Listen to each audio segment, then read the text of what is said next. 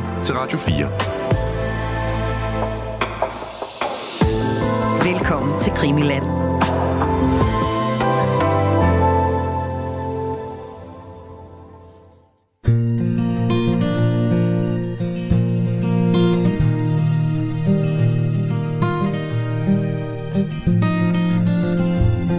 He was carrying a briefcase when he stepped aboard the plane.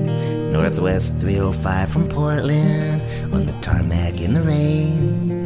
Dressed in loafers in a dark suit underneath an overcoat.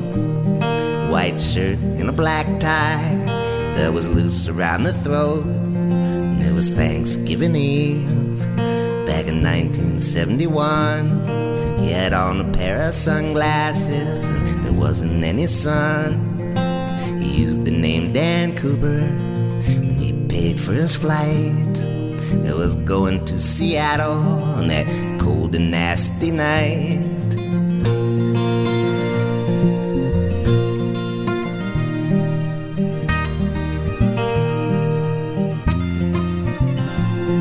They taxied to the runway, then took to the sky.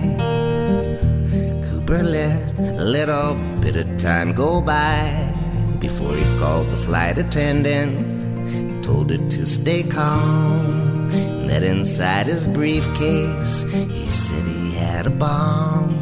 Two hundred thousand dollars in twenty dollar bills. A plane, crew, some parachutes, and no one would get killed. They landed in Seattle. The authorities complied. All the passengers were let off. Brendan Christensen, vi kunne jo egentlig bare lade den her, den her køre, og så droppe et recap.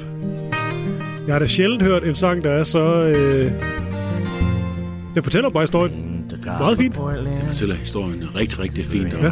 der er lidt hånd om, om rimene så passer, fordi det er vigtigt at fortalt historien rigtigt.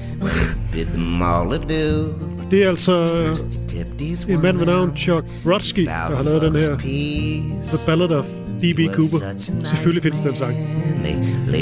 Ja, for Amerika, USA, er jo landet med de store myter om, om de fredløse og legenderne, men også landet, der har en, en tradition for den her form for storytelling og ting, der lever videre.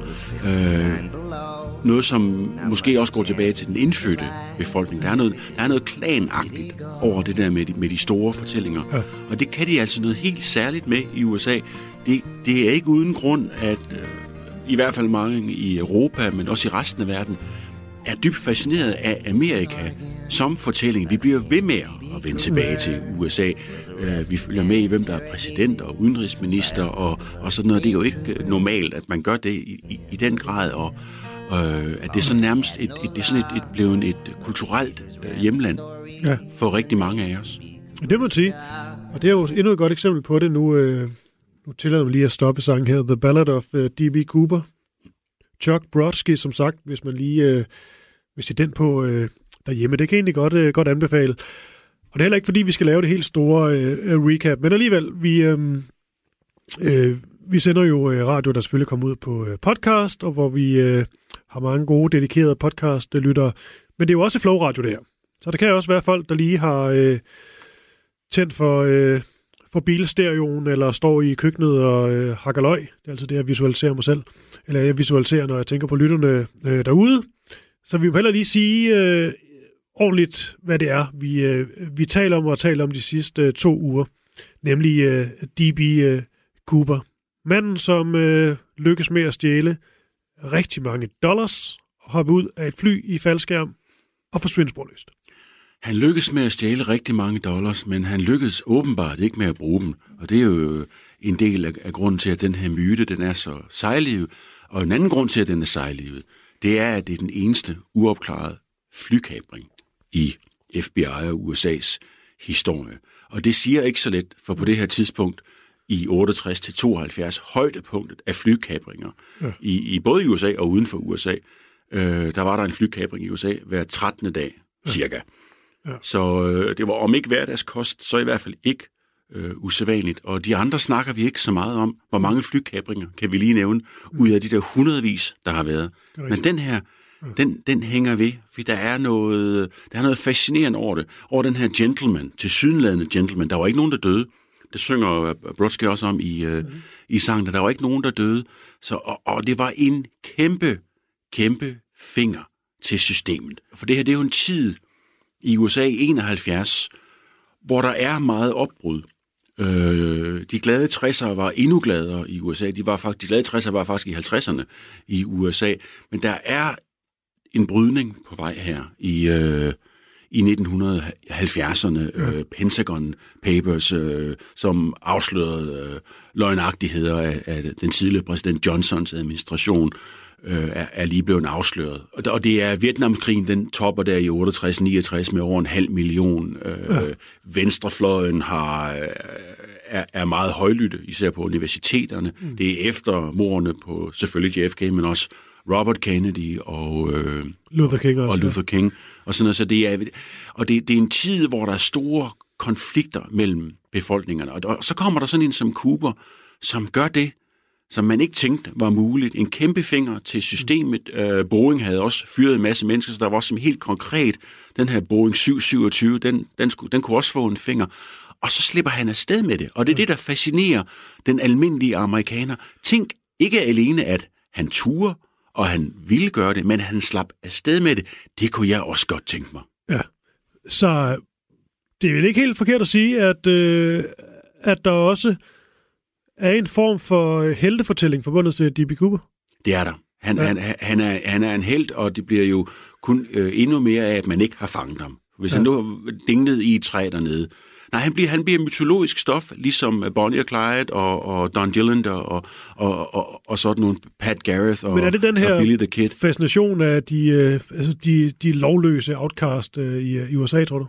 Ja, det er det, fordi det ligger dybt i roden i det amerikanske øh, at man er sin egen herre, man er sin egen lykkes smed, øh, og det er jo hele fundatet under USA, er nemlig det, at du, du kan gøre, hvad du vil, men du er også lidt på egen hånd, og det er jo både godt og skidt mulighedernes land, hvor, hvor, hvor skopusseren kan vokse op og blive direktør, mm. øh, men også et land, hvor hvis du ikke bliver direktør, og det er jo de færreste skopusser, der bliver det, så er du altså alene. Ja. Så det er et, øh, det er et land, hvor, hvor man, er, er, man er alene, mm. og dem, der har modet til at gå op mod systemet og stikke stik af med, med, med pengene, øh, enten ja. det er metaforisk eller, eller, eller konkret, ja. de bliver helte. Ja. Og et land, hvor ja, utrolig nok kan man nogle gange tænke, at selv hvis, øh, hvis skopusseren ikke er, er lykkes, og skopusseren er blevet øh, x antal år øh, øh, gammel, nedslidt, ødelagt, stadigvæk, nu taler jeg meget generelt her, men, men stadigvæk vel har denne her tro på, at man kan lykkes, og man kan ligesom jagte en eller anden øh, øh, drøm, og der er ikke noget, der ligesom stanser dig, på trods af, at udefra set vil måske tænke, der er rigtig meget, der stanser dig. Altså, du kommer ikke til at made it, som du gerne vil. Nej. Men du slipper ikke drøm. Nej, man slipper ikke drøm, og der er også sådan en, en, en understrøm, en underfortælling i, at noget af det, der, der, der, der, der forhindrer mig i at lykkes, det er statsmagten. Der er det der inde, det had over for ja. statsmagten. Selvom statsmagten i forhold til Danmark, om man så må sige, øh, jo ikke er, der er jo ikke så, den, er jo ikke så, den griber ikke så meget ind i folks liv på en eller anden måde. Og så alligevel er USA et land, hvor der står, at du får en bøde på 192 dollars, hvis du smider affald. I USA, der står der skilte om, øh, hvad, man, hvad man ikke må. Fordi hvis ikke der er et skilt, så antager folk, at det må man nok godt. Mm. Det kan man undre sig over, når man kommer over Land of the Free, Home of the Brave. Hvorfor er der så mange skilte om, hvad man ikke må? Jamen det er, fordi det ligger i den amerikanske ånd, at hvis ikke du får at vide, at det her, det må du altså ikke, så må du godt. Det er friheden i den amerikanske definition. Ja. Måske også derfor, man ser de der, de der historier om, om det er så et stykke legetøj, som et barn har, har slugt, eller et eller andet, at det kan være alt muligt, hvor, hvor det så måske kan ende i sådan nogle der er bare eksempler på sådan nogle, øh, nogle, nogle retssager, nogen, der har fået ekstremt mange penge fra firmaer, hvis man bare gør noget, hvor man tænker, det er så dumt. Altså, du har puttet plastik ind i en mikroovn, det går nok galt for dig, men så fordi der måske ikke lige står det helt konkrete eksempel på, at det må du ikke, så kan du måske vinde sag. Og det er jo en af grundene til, at der også, når vi snakker amerikansk kultur og amerikansk filmhistorie, er den der helt, helt særlige amerikanske genre, nemlig retsdramet. Mm. Altså, vi har jo set uendelig lange retssager blive jo transmitteret direkte. Ja, man kan se det live, men også i fiktionen, at ja. der er en fascination af den der retssag, for det er, ligger helt også i, i grunden af det amerikanske system. Det er jo også derfor, øh, amerikanere betaler jo de, en, enorme summer for øh, sygesikring. Langt mere, øh, det koster langt mere at drive sygehusvæsenet i USA, end det gør i Danmark, på grund af de der sygeforsikringer, man skal have. Altså lægen og hospitalet og så videre, skal simpelthen forsikres mod, at de laver fejl, og så bliver sagsøgt, og så bliver det frygteligt dyrt, og så får man dårlig behandling. Øh, ja. så, så det gør faktisk øh, sygehusvæsenet til, til, til, til malfungerende.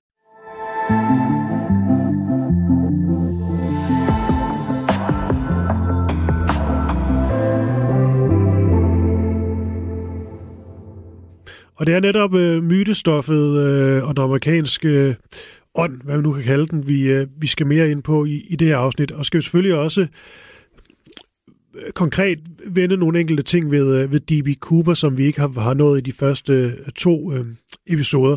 Men først og fremmest, der er det her med, at han øh, ja, helt konkret har ud af flyet med, med faldskærmen på. Vi ved ikke præcis, vi har ikke koordinaterne på, hvor han er, han er hoppet henne øh, og hvor han selvfølgelig er, er landet henne. Og så ved vi heller ikke, om han har, han har overlevet. Nej. Men så vidt jeg har forstået, så er det, eksempelvis FBI går med først, det er, at han ikke har overlevet.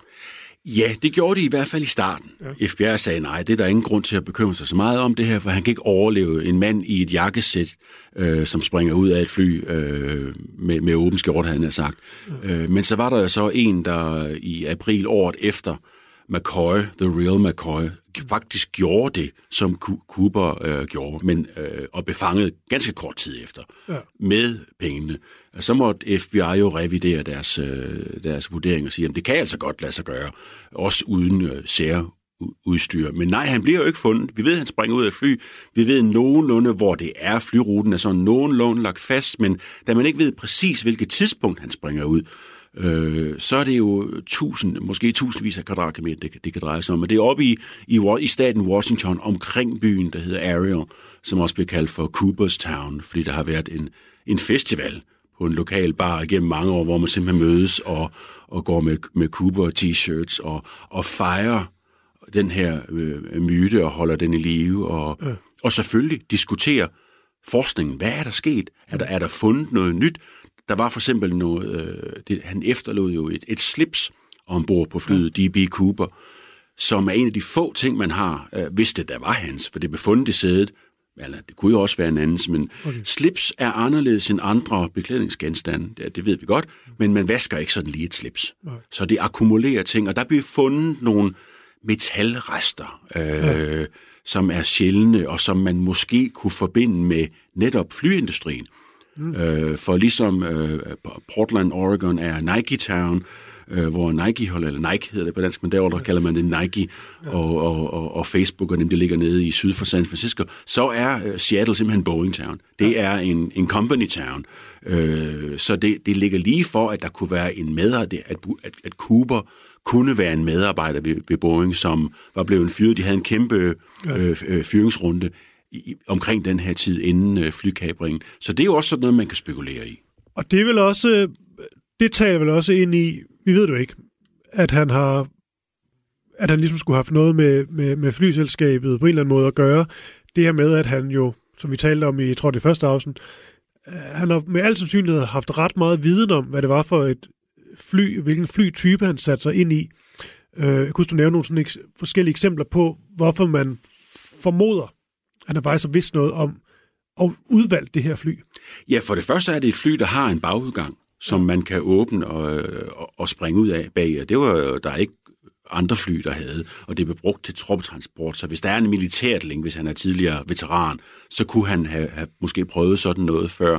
Øh, der er nogle særlige ting omkring de der flaps på vingerne, som man bruger til at, og, ja ikke pilot, men som man bruger til at styre hastigheden, og som man bruger, når man bremser et fly for 727'eren, øh, af mellemdistance og lavet til, til mindre lufthavne i USA og rundt omkring i verden. Så der er nogle detaljer omkring flyet. Også det, at han ved, efter at de er landet i, øh, i Seattle, og han får sat øh, passagererne, de der 37-36 øh, passagerer, på fri fod, får penge og faldskærm, og så letter med kurs mod, ja, Mexico, men der kan de så ikke nå hele vejen ned.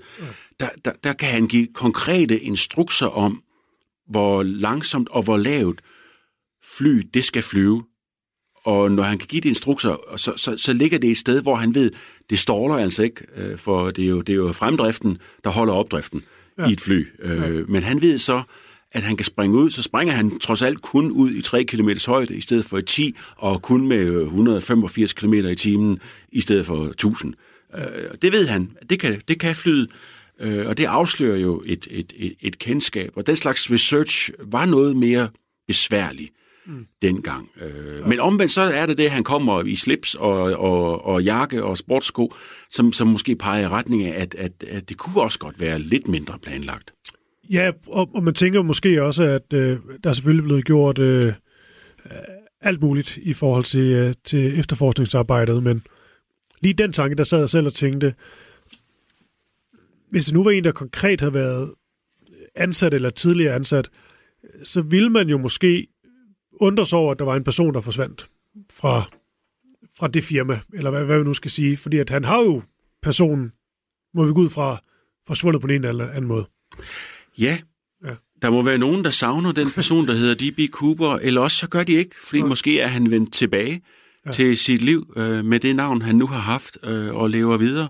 Og det er der også nogle af de, øh, de historier, vi taler om, at der var øh, Niasen, som siger, at det var min onkel, der var D.B. Cooper. Han var væk omkring Thanksgiving, og min far sagde, at han snakkede om flykabring, og min far sagde faktisk, at det var ham. Ja. Og FBI var også interesseret i ham. Så han gik tilbage til sit almindelige liv, men holdt tand for tunge med det. Der er stadigvæk underligt, at man stjæler 200.000 dollars, og så er der ikke nogen af dem, der bliver brugt, for det er der ikke. Nej. Men den der tanke er jo også bare, og også apropos øh, øh myten og fascination så mange år senere, den er jo bare så spændende.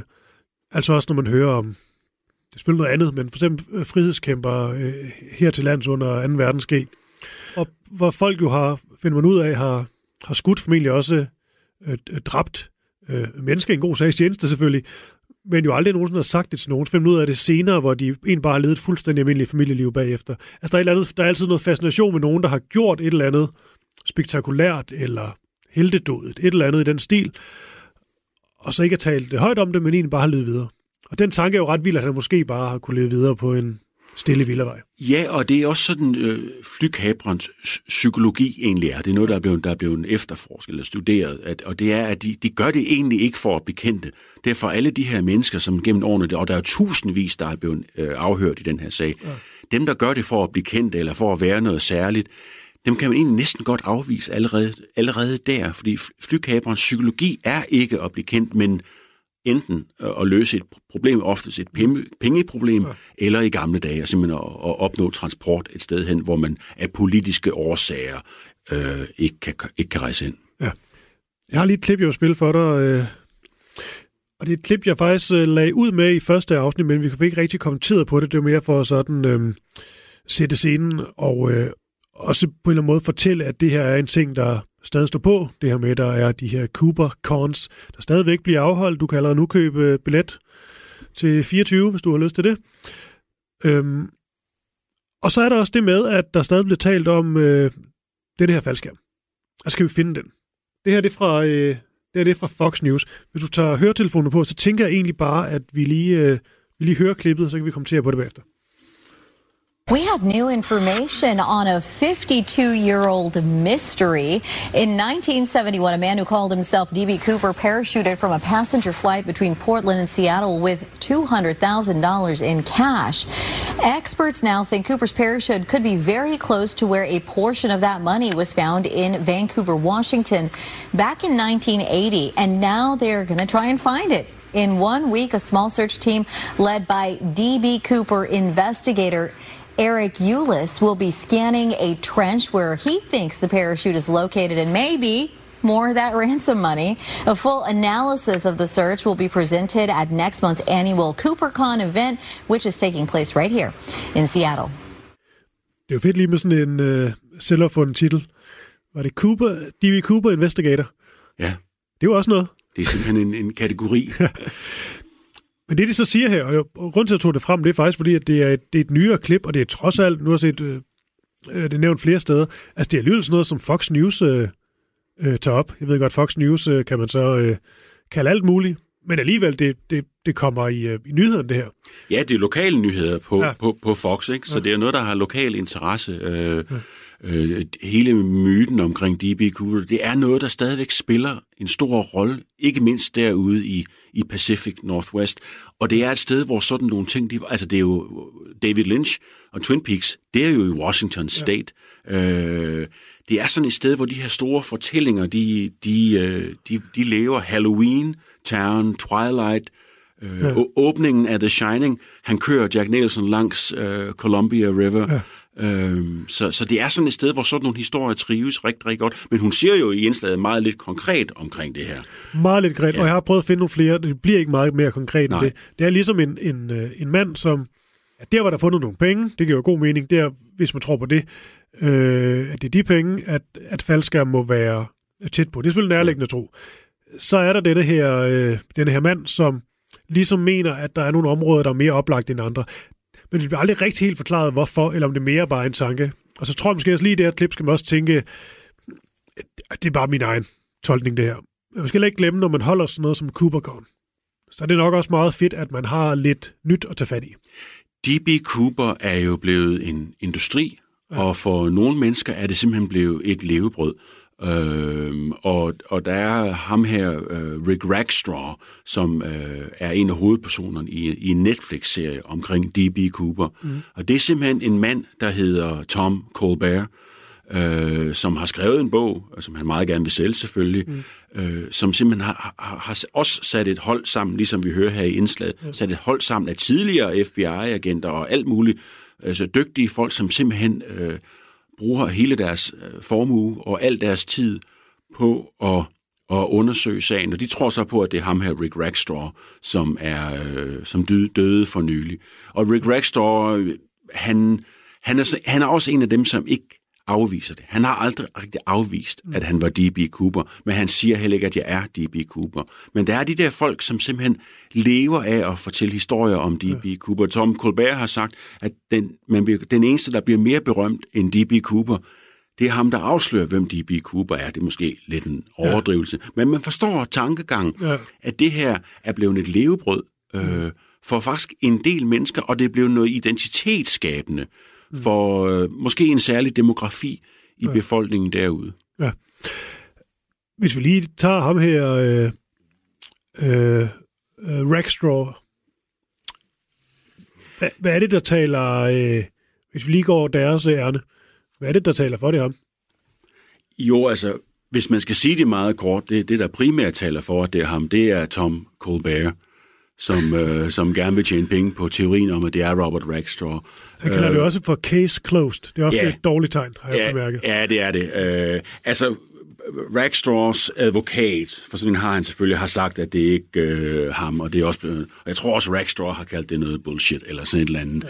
Men det er, det, det er noget med, øh, at, at Colbert og hans team, i nogle af de der breve, som i sin tid er blevet sendt til, til medier i Oregon og i Washington, der har de fundet nogle koder, og da Robert Rackstraw er gammel Vietnam-veteran, og, og jo et pilot øh, og, og tidligere straffet, øh, altså han har siddet i fængsel, så, så er der noget med nogle koder, som han kender fra Vietnam, og dem har de afkodet til, at så siger han, at jeg er D.B. Cooper.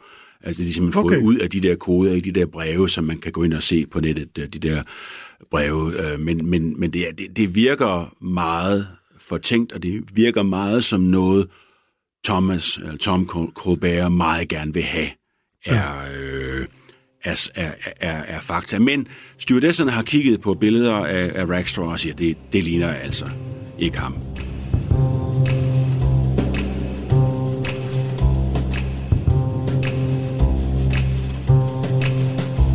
Du nævnte du nævnte det her område, så nævnte du Twin Peaks.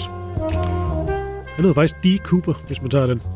Ja, agenten der Ja, Dale, ja. Dale Cooper. Ja. Det er kus, der er sådan på tidspunkt sådan noget, hvor der går sådan noget paranormalt i den, hvor, øh, hvor der har været nogle meddelelser, nærmest noget, der fra rummet hvor der står Cooper, Cooper, Cooper.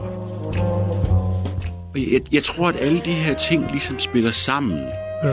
Altså ikke, ikke dermed sagt, at, at D.B. Cooper ikke, ikke havde været den samme myte, hvis det var sket i Massachusetts. Det kan godt være, det ville være det, men der er altså forskel på østkyst og vestkyst fortællinger. Mm. Der er igen, igen på grund af afstanden. På østkysten lever man meget tæt. Man er tæt på, på Europa, man er tæt på hinanden og sådan. Men, men ude på vestkysten, der er der, altså, der, der er en helt anden historie, øh, fortællings tradition, øh, og der er måske også helt banalt lidt mere kedeligt i de der små byer, som der er ufattelig mange af. Så de her fortællinger, og det er jo nok ikke tilfældigt, at, at Lynch han vælger, at det skal være derude. Mm. Øhm, First Blood med, med John Rambo der fra 76, det er jo også en af de der small, small towns i, i, i Washington State, hvis man ligesom vil have en fornemmelse af, hvordan er det her miljø mm. egentlig? Altså, det, det er koldt, det, det, det er hårdt, det, man, er, man er alene. Det er de små mennesker mod de store træer. Ja. Ikke? Og det er også det der, ligesom, det der relief, som sætter de her fortællinger i. Og det er jo det, der præger øh, mytefortællingen også omkring D.B. Cooper. Ja. Den her mand, der virkelig går op imod systemet, og til sydlandet, til syneladende øh, slipper afsted med det. Og det gør han jo i den forstand, i hvert fald, mm. at sagen er uopklaret. Så, ja. så der, der er der jo allerede 1-0 til Cooper, uanset ja. om han har overlevet øh, springende eller ej.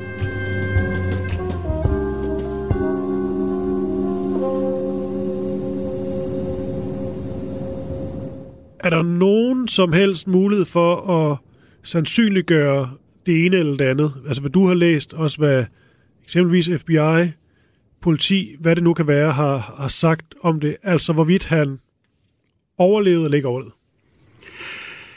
Altså i starten, der, der mente de jo, at det, det kan man ikke overleve. Øh, der var en øh, nogle dage, 12-13 dage inden Cooper, som faktisk havde forsøgt noget lignende, og han var, det var, det var han, det tror ikke, han nåede at springe ud overhovedet. Øh, så der er også spekulationer om, at, at Cooper selv i virkeligheden var en copycat, okay. der siger, det der, det kan jeg gøre bedre. Ja. Øh, altså, man kan selvfølgelig bruge sin sunde fornuft mm. og sige, øh, en mand i et jakkesæt, der springer ud i 3 km højde over et bjergerigt område fra en flyver i et stormvejr i mørket. Øh, hvad er chancerne for at overleve? Det kan vi nok ikke sætte, sætte tal på, Nej. men, men øh, jeg, jeg vil sige, at hvis ikke man ved, hvad man har med at gøre, mm. så, så, så tror jeg, at der er rigtig, rigtig mange steder, det her det kan gå galt. Og det var jo også det, FBI øh, resonerede i hvert fald. Og så var der så, som vi talte om, øh, McCoy der i april, året efter, som lykkedes med at gøre det med, med 500.000 dollars, ikke 200.000 dollars. Men han lykkedes jo på en anden måde ikke. Han mislykkedes, fordi ja. han blev fanget kort tid efter, fængslet, flygtede, blev skudt. Ja. Men der er en ting, vi i fortællingen jeg stadig ikke forstår. Og jeg ved ikke, om der er et uh, klart uh, svar på det. Måske er det, fordi USA bare er så trods alt så stort et land. Men man ville vel ikke gå ud fra i sådan sag, have nogle af de hovedmistænkte som nogen, der har prøvet at springe faldskærm før. Ellers virker det som en meget hovedløs gerning. Det kan det også være, men det tror jeg vel er noget af det første, man går efter. Altså nogen, der rent faktisk har øh, ekspertise inden for det her område, i hvert fald til en vis grad, som vil tage det her spring, fordi de har prøvet det før. Der må vel være nogle registre, der ligesom vil registrere en person, for der må være en person, er bare forsvundet og så på en eller anden måde kunne sammenkoble det med, okay, denne her person, lad os bare sige, han hedder Tom Thompson, at han er forsvundet, og han engang var i hæren og har sprunget, eller et eller andet. Han er, altså det undrer bare, der ikke er et eller andet match på den måde. Ja, altså der skal, der skal man, det er rigtigt, men der, der skal man huske på, at USA er så ufattelig stort og vidtstrakt et ja. land, øh, også i forhold til det rent administrative, øh, at øh, de forskellige myndighedslag er ikke så gode til at kommunikere med hinanden, som vi er her i lille Danmark. Altså der kan, der kan, kan staten og, og, og kommunen og, og så videre godt finde ud af at tale sammen, de forskellige myndigheder. Derover er der en meget, meget klar lavdeling mellem dels det føderale og, og det statslige. Der er ikke sådan bare et register, du kan slå, slå ind et personnummer. Man, man kan flytte fra en stat til en anden og forsvinde. Mm. Det er den ene ting. Den anden ting, det er, at folk, der forsvinder i USA, er ikke nogen usædvanlige ting. Overhovedet ikke. Det er et land med, hvad er vi nu, der over 350 ja. millioner mennesker, ikke? Det er et ufatteligt areal. Altså, det tager lige så lang tid for mig, når jeg er i New York og skal ud til mine svigerforældre, som bor ude i Portland, Oregon. Det tager lige så lang tid for mig at flyve derud, som det tager at flyve fra New York til, Kø- til København. Ja. Det, det, mange har taget den tur øh, over Atlanten. Det siger lidt om, hvor stort og hvor vidtstrakt det her land det er. Så at, at øh, jeg ved ikke, jeg har ikke tal på det, det kan man slå op og undersøge, ja. hvor mange hundrede mennesker, der forsvinder hvert år i USA, og aldrig nogensinde bliver fundet. Så det element er egentlig ikke så usædvanligt. Ja. Øh, man kan sagtens, det er et godt sted, det er et godt land at forsvinde i. Ja. Og så er det selvfølgelig også muligheden, han vidderligt bare øh, en dag efter at gået tilbage til, øh, til konen i, øh, i udkanten af en eller anden by og har øh, sagt, hej skat. Ja, og, og så vil hun sige, jo, skat, men hvor er pengene? ikke? Altså, hun sige, nu har du været væk, ikke? og du, du kommer ikke hjem til Thanksgiving, og jeg sad ja. her alene med kalkunen. Du lovede mig 200.000 dollars. Det, det er jo en af de der, det er jo også med til at, det er jo en del af mysteriet. Hvad er der med de der, altså, gik der bare hul på, på, på sækken, da han sprang ud, og så blafrede pengene rundt. Men selv hvis det skete, vil de så ikke dukke op et eller andet sted? Vil, vil nogen ikke finde en 20 dollars seddel? Men det er vel også noget, der taler, øh, taler ind i dem, der tror på, at han landede i, i iskoldt vand og ikke overlevede. At pengene så også forsvandt, fordi øh, i det andet tilfælde, at pengene jeg blev spredt lidt ud over det hele, øh, forskellige arealer, men mindre selvfølgelig højt op på et bjerg, hvor, hvor der ikke lige sjovt nok kommer, kommer nogen forbi. Men ellers så vil man jo bare tænke, hvis bare en person tager nogle dollarsedler op, så vil de fleste nok proppe dem i lommen. Ja, det, nå, 20 dollars ned i lommen ja. med dem, og så bruger man, men så ryger de jo ind i systemet. Det er nemlig det, og så vil ja. det blive opdaget, fordi så ville ja. det jo rent faktisk været, men der er ikke en eneste, der Nej. er blevet registreret. Nej. Det er en meget mystisk del af sagen, synes jeg. Ja. ja. Jeg ved ikke, har, har du læst nogen sådan øh, særlige øh, gode forklaringer øh, på det, eller er det også bare en del af mystikken dybest set? Der er simpelthen ikke nogen øh, entydigt god forklaring på det her. Øh, fordi der bliver jo fundet de der 5.800 øh, nede ved, ved, ved floden, nede ved Vancouver, altså på Washington-siden af Columbia River. Der bliver jo fundet de der penge, som ikke er begravet. De er måske skyllet op øh, på, på stranden, og så er der sand, der er vokset hen over det der i, i et par år efter og sådan noget. Der er ikke nogen ensidig men, men, men området er jo stort nok til, at der godt kan hænge en faldskærm med et afpil lige og ligge en pose øh, pengesedler og en, og en faldskærms øh, rygsæk der. Det, det, det er stort nok til, og man, man ventede jo også til vinteren var over der i 71-72, og gik op igen i området, da der ligesom var noget, der var tøet ja. op og sådan noget for at se. Så man kan, man, det, det, det, og det er jo derfor, der stadigvæk bliver lavet. Der er stadigvæk folk, der går derud og går rundt i området og, ja. og, og kigger efter, kan de se øh, noget lærred, der hænger i et træ, kan de finde noget på jorden, for faldskærmen vil givetvis stadigvæk være mere eller mindre intakt. Ja, så den, øh, og det kan vi så også høre nu, at der er i stadigvæk folk, der, øh, der søger på, øh, på livet løs, og håber, de kan komme tilbage på KubaCon med lidt... Øh, det vil være vild fortælling at komme tilbage med at sige, at det her er faldskærmen, og få den verificeret. Ja, for der skal helst, der skal helst være noget nyt hele tiden. Ja. Og, og, og i, i sådan en mytologisk fortælling som det her, det er, der er det ikke ret meget nyt, der skal til for at blive ved med, at der bliver ved med at holde, holde, holde liv i myterne. Og nu er vi ved at være derhen her rent tidsmæssigt 50 år efter, godt 50 år efter, øh, efter at det skete, at øh, det er nok ikke sandsynligt at, at finde vedkommende i live. Men igen, hvis øh, Cooper havde været omkring 30, 35 år, så kunne han være sidst i 80'erne nu. Øh, det er jo ikke umuligt. Øh, så, øh, så, så hvem ved, måske, måske dukker han op.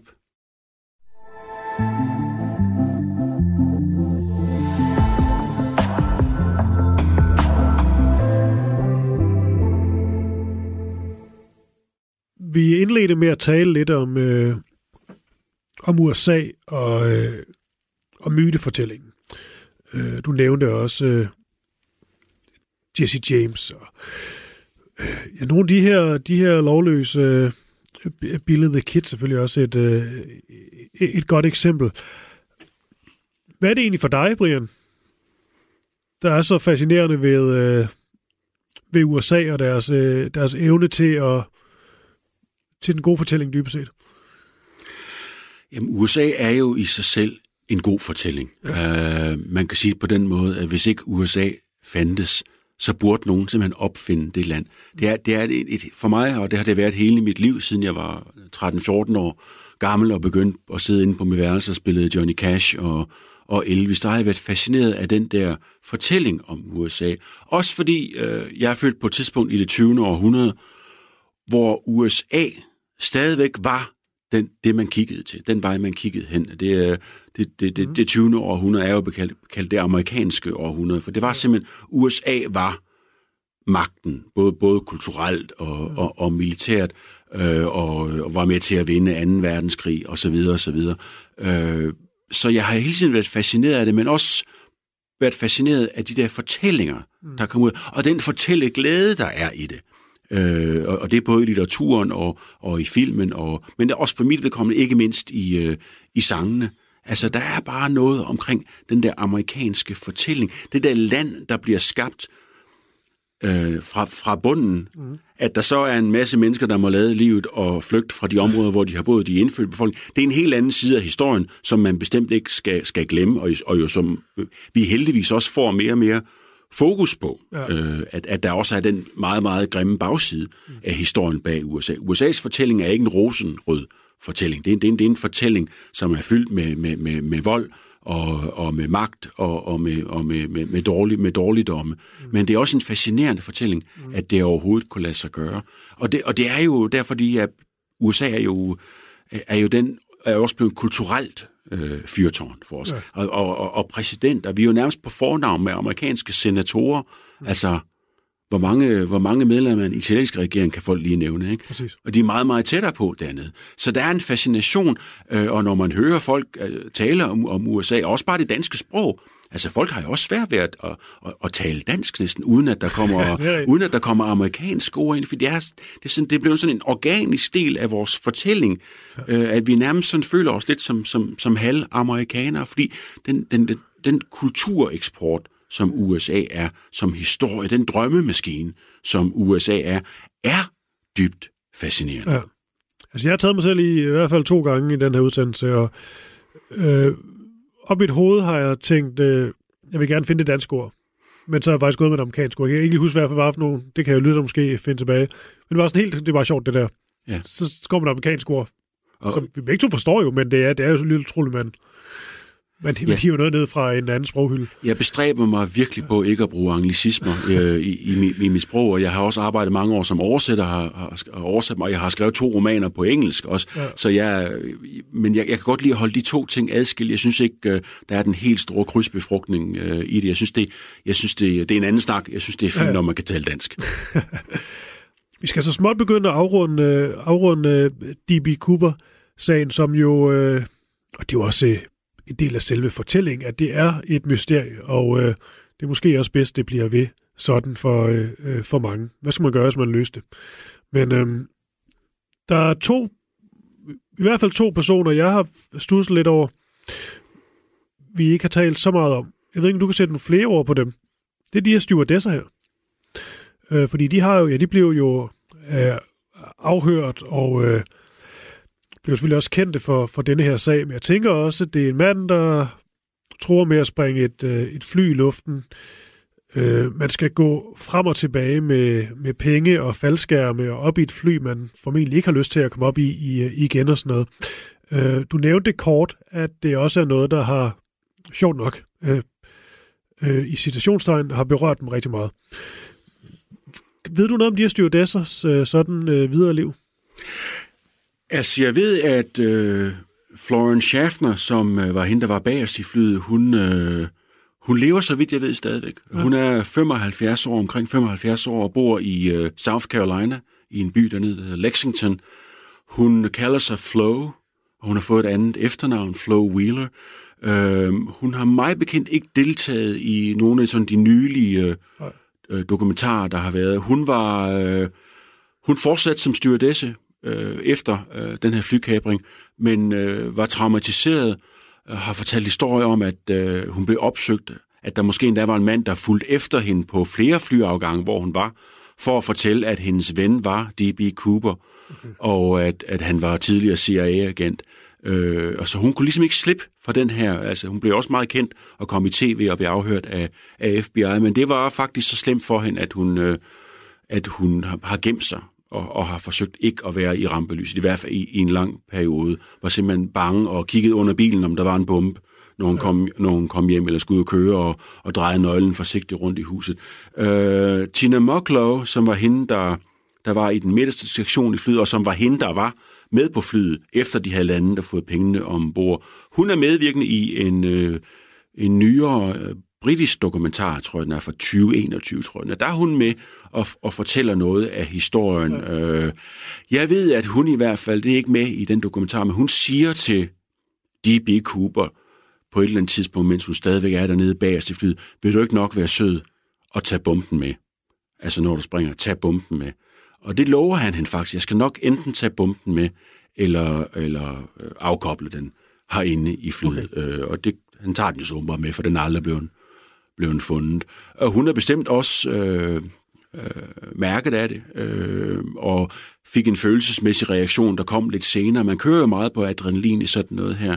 Mm. Øh, så det var bestemt ikke nogen joke for dem, selvom der nu det blev en myte, og nu det blev sådan noget lidt... Øh, lidt, lidt større, larger than life, øh, det her, men det var faktisk en reel og ganske ubehagelig øh, oplevelse for de her øh, styrdesser. Ja, og det er også godt at have med, fordi at jeg har bare en øh, idé om, de måske ikke synes, at sådan noget som, øh, at en flok øh, glade drenge og piger mødes til CooperCon en gang om året, er sådan så charmerende. Nej, på, på, på den ene side, så kunne man nok godt forestille sig, at, at, at det synes de, det, det har de nok øh, lidt for meget, eller betalt for høj en pris for.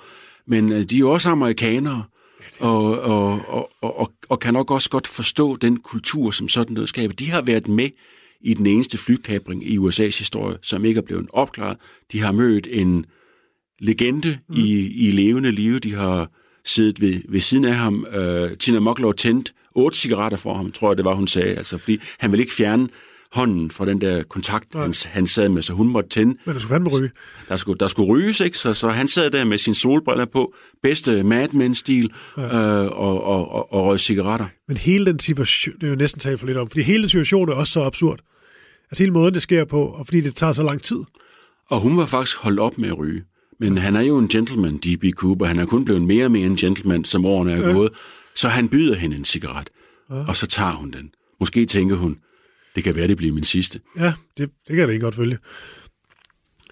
Noget, som, øh, som også er blevet en del af, af fortællinger, som nogen tror på, det er, at øh, D.B. Cooper i virkeligheden var, om ikke øh, direkte FBI eller CIA, så i hvert fald i ledtog med dem på en eller anden måde, og de måske netop har øh, kunne dække lidt øh, over ham.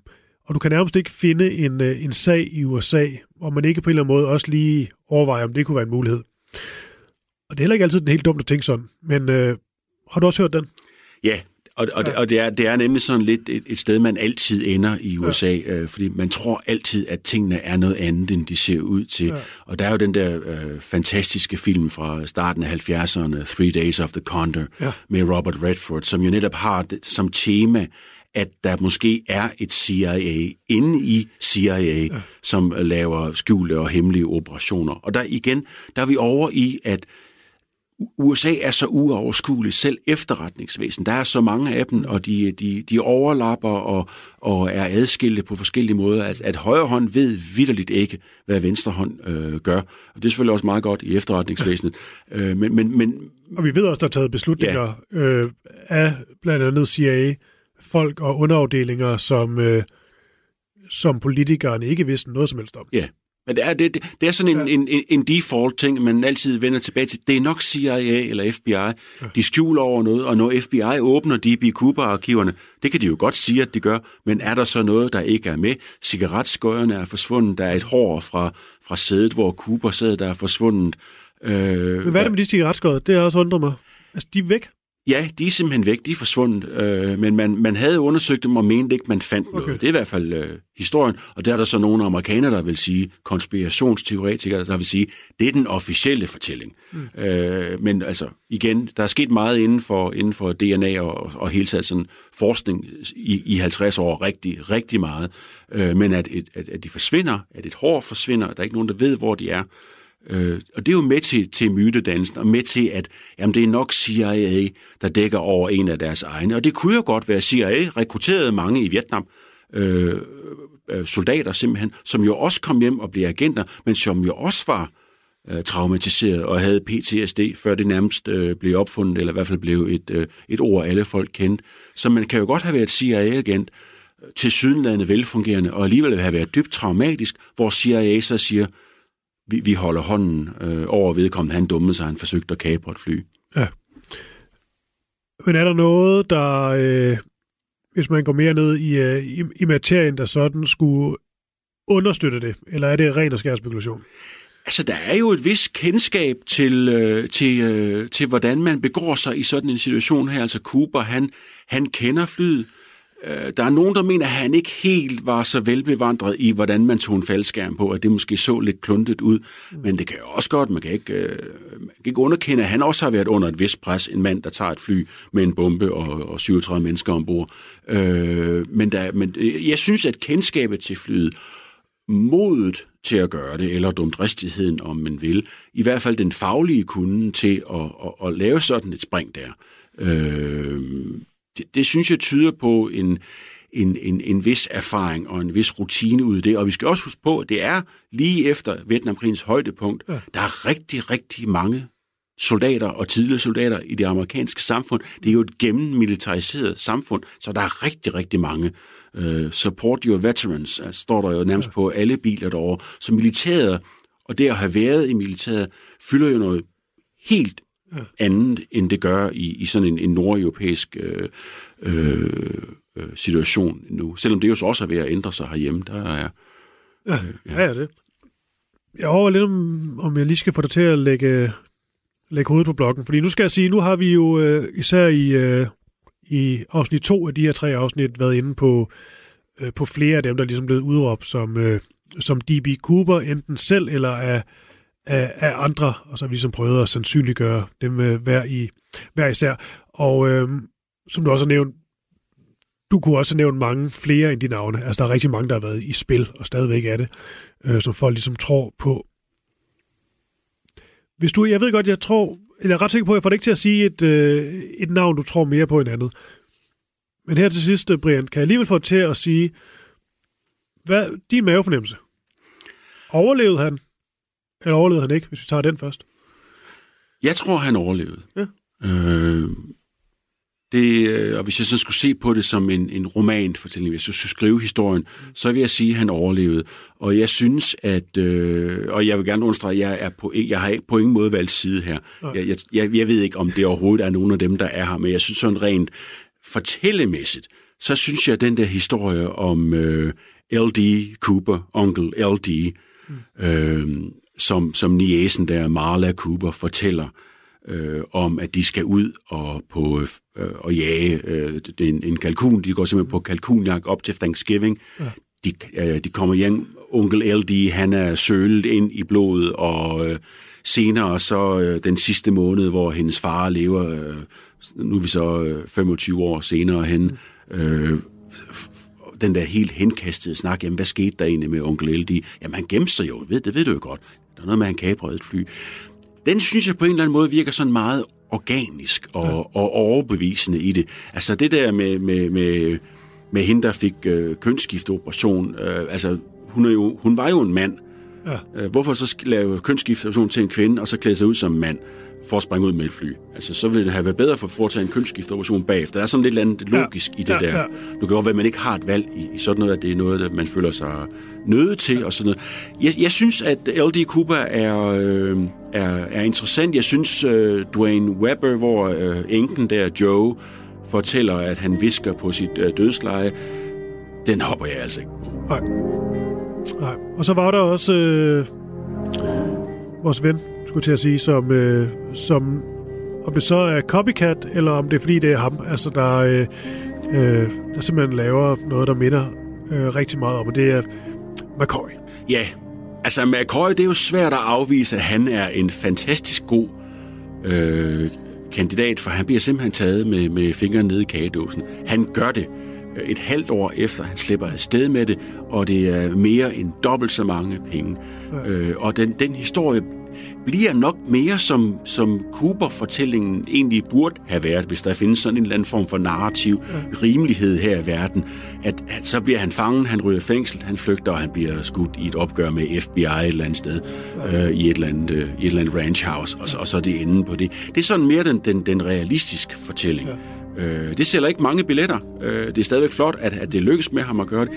Men han overbeviser os om, at det kan lade sig gøre. Ja, det er jo så lige meget hvad, der er han jo utrolig vigtig i forhold til fortællingen om D.B. Cooper, fordi at han jo viser, at det kunne, det ja, kunne faktisk godt lade sig gøre. han gør det jo nærmest hvert halvår, hvis det også var ham, der var D.B. Cooper. Ikke? Så, så der, det, det er jo meget overbevisende, men der var så nogle andre ting øh, om, ja. at, at han ikke ligner, og, øh, og at han formentlig var det der, som vi har talt om, en, en copycat. Ja. Nå, det der, øh, det kan jeg også gøre. Den er næsten for oplagt, ja. at det skulle være ham. Ja, okay. Jeg tror, vi vil være i mål, øh, Brian Dan Christensen er dit navn. Jeg vil lige sige, nu har vi lavet tre udsendelser, at øh, hvis man vil læse, hvad du har skrevet om med øh, D.B. Cooper, eller om øh, der var kunstteorier, der var Lindbergh, der var forskellige øh, spændende ting og sager, er det så bare at google dit navn og Saxo, eller hvad, hvad gør man nemmest? Ja, yeah, det, det tænker jeg, det, det, det er det nemmeste. Det er sådan nogle true uh, crime artikler, jeg har skrevet om de her ting. Man kan google uh, Brian Dan Christensen. Jeg har også en, en uh, hjemmeside, briandanchristensen.com. Den er ikke helt opdateret, men der ligger nogle ting derinde. Så uh, i modsætning til D.B. Cooper, så er B.D. Christensen noget nemmere at finde. Ja, og jeg tænker, at vi, øh, vi tales ved igen, fordi at der, er, der er flere spændende sager, vi allerede talt om, vi gerne vil have udfoldet i, i Krimland. Jeg skal lige høre, noget du brænder ind med, eller er vi, er vi glade? Jeg synes, vi skal tales ved. Godt.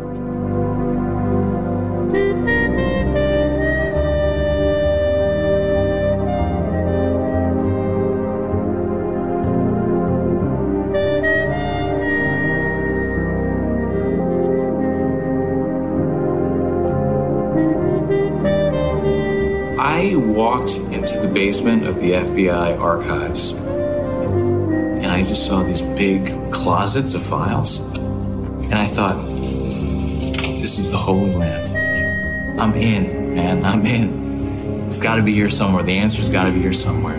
No disrespect to the FBI, but I thought I can spend the time and go through 40 years later and nail this sucker. But what happens in the Cooper case is that the Cooper case files, the majority of them, they are hundreds, if not thousands, of letters, poems, different pranks, different suspicions of people who all flooded the FBI with their best tips, thinking that their neighbor was Cooper, their ex wives were Cooper. Every complaint that people seem to have in America seem to be blamed on Cooper. And the whole FBI file, the vast majority of it, are just a sort of depository of paranoia.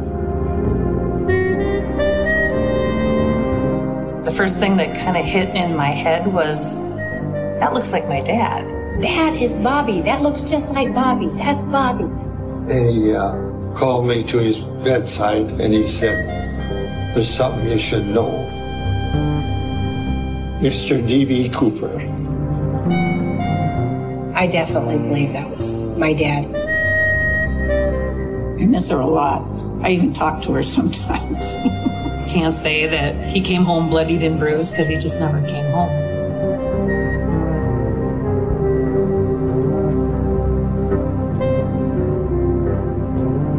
I've had people that come up and tell me that they've got wife's cousin who on his deathbed said he was D.B. Cooper, trying to get me to point to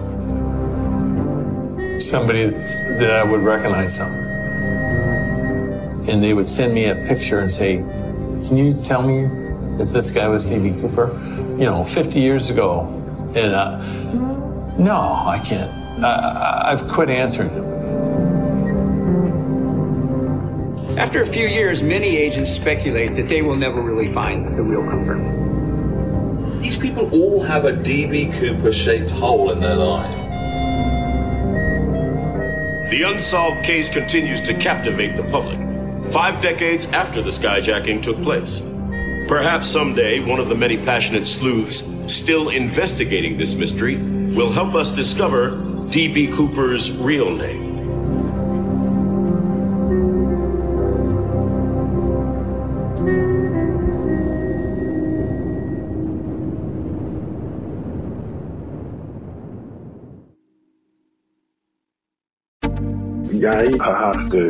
Øh, 39 feber i fem dage, mm. men det bliver ikke bedre. Lad mig lige prøve at se dig på video. Vagtlæger visiterer og behandler hver dag tusindvis af patienter på en videoforbindelse. At kigge ind i kassen der. For ja.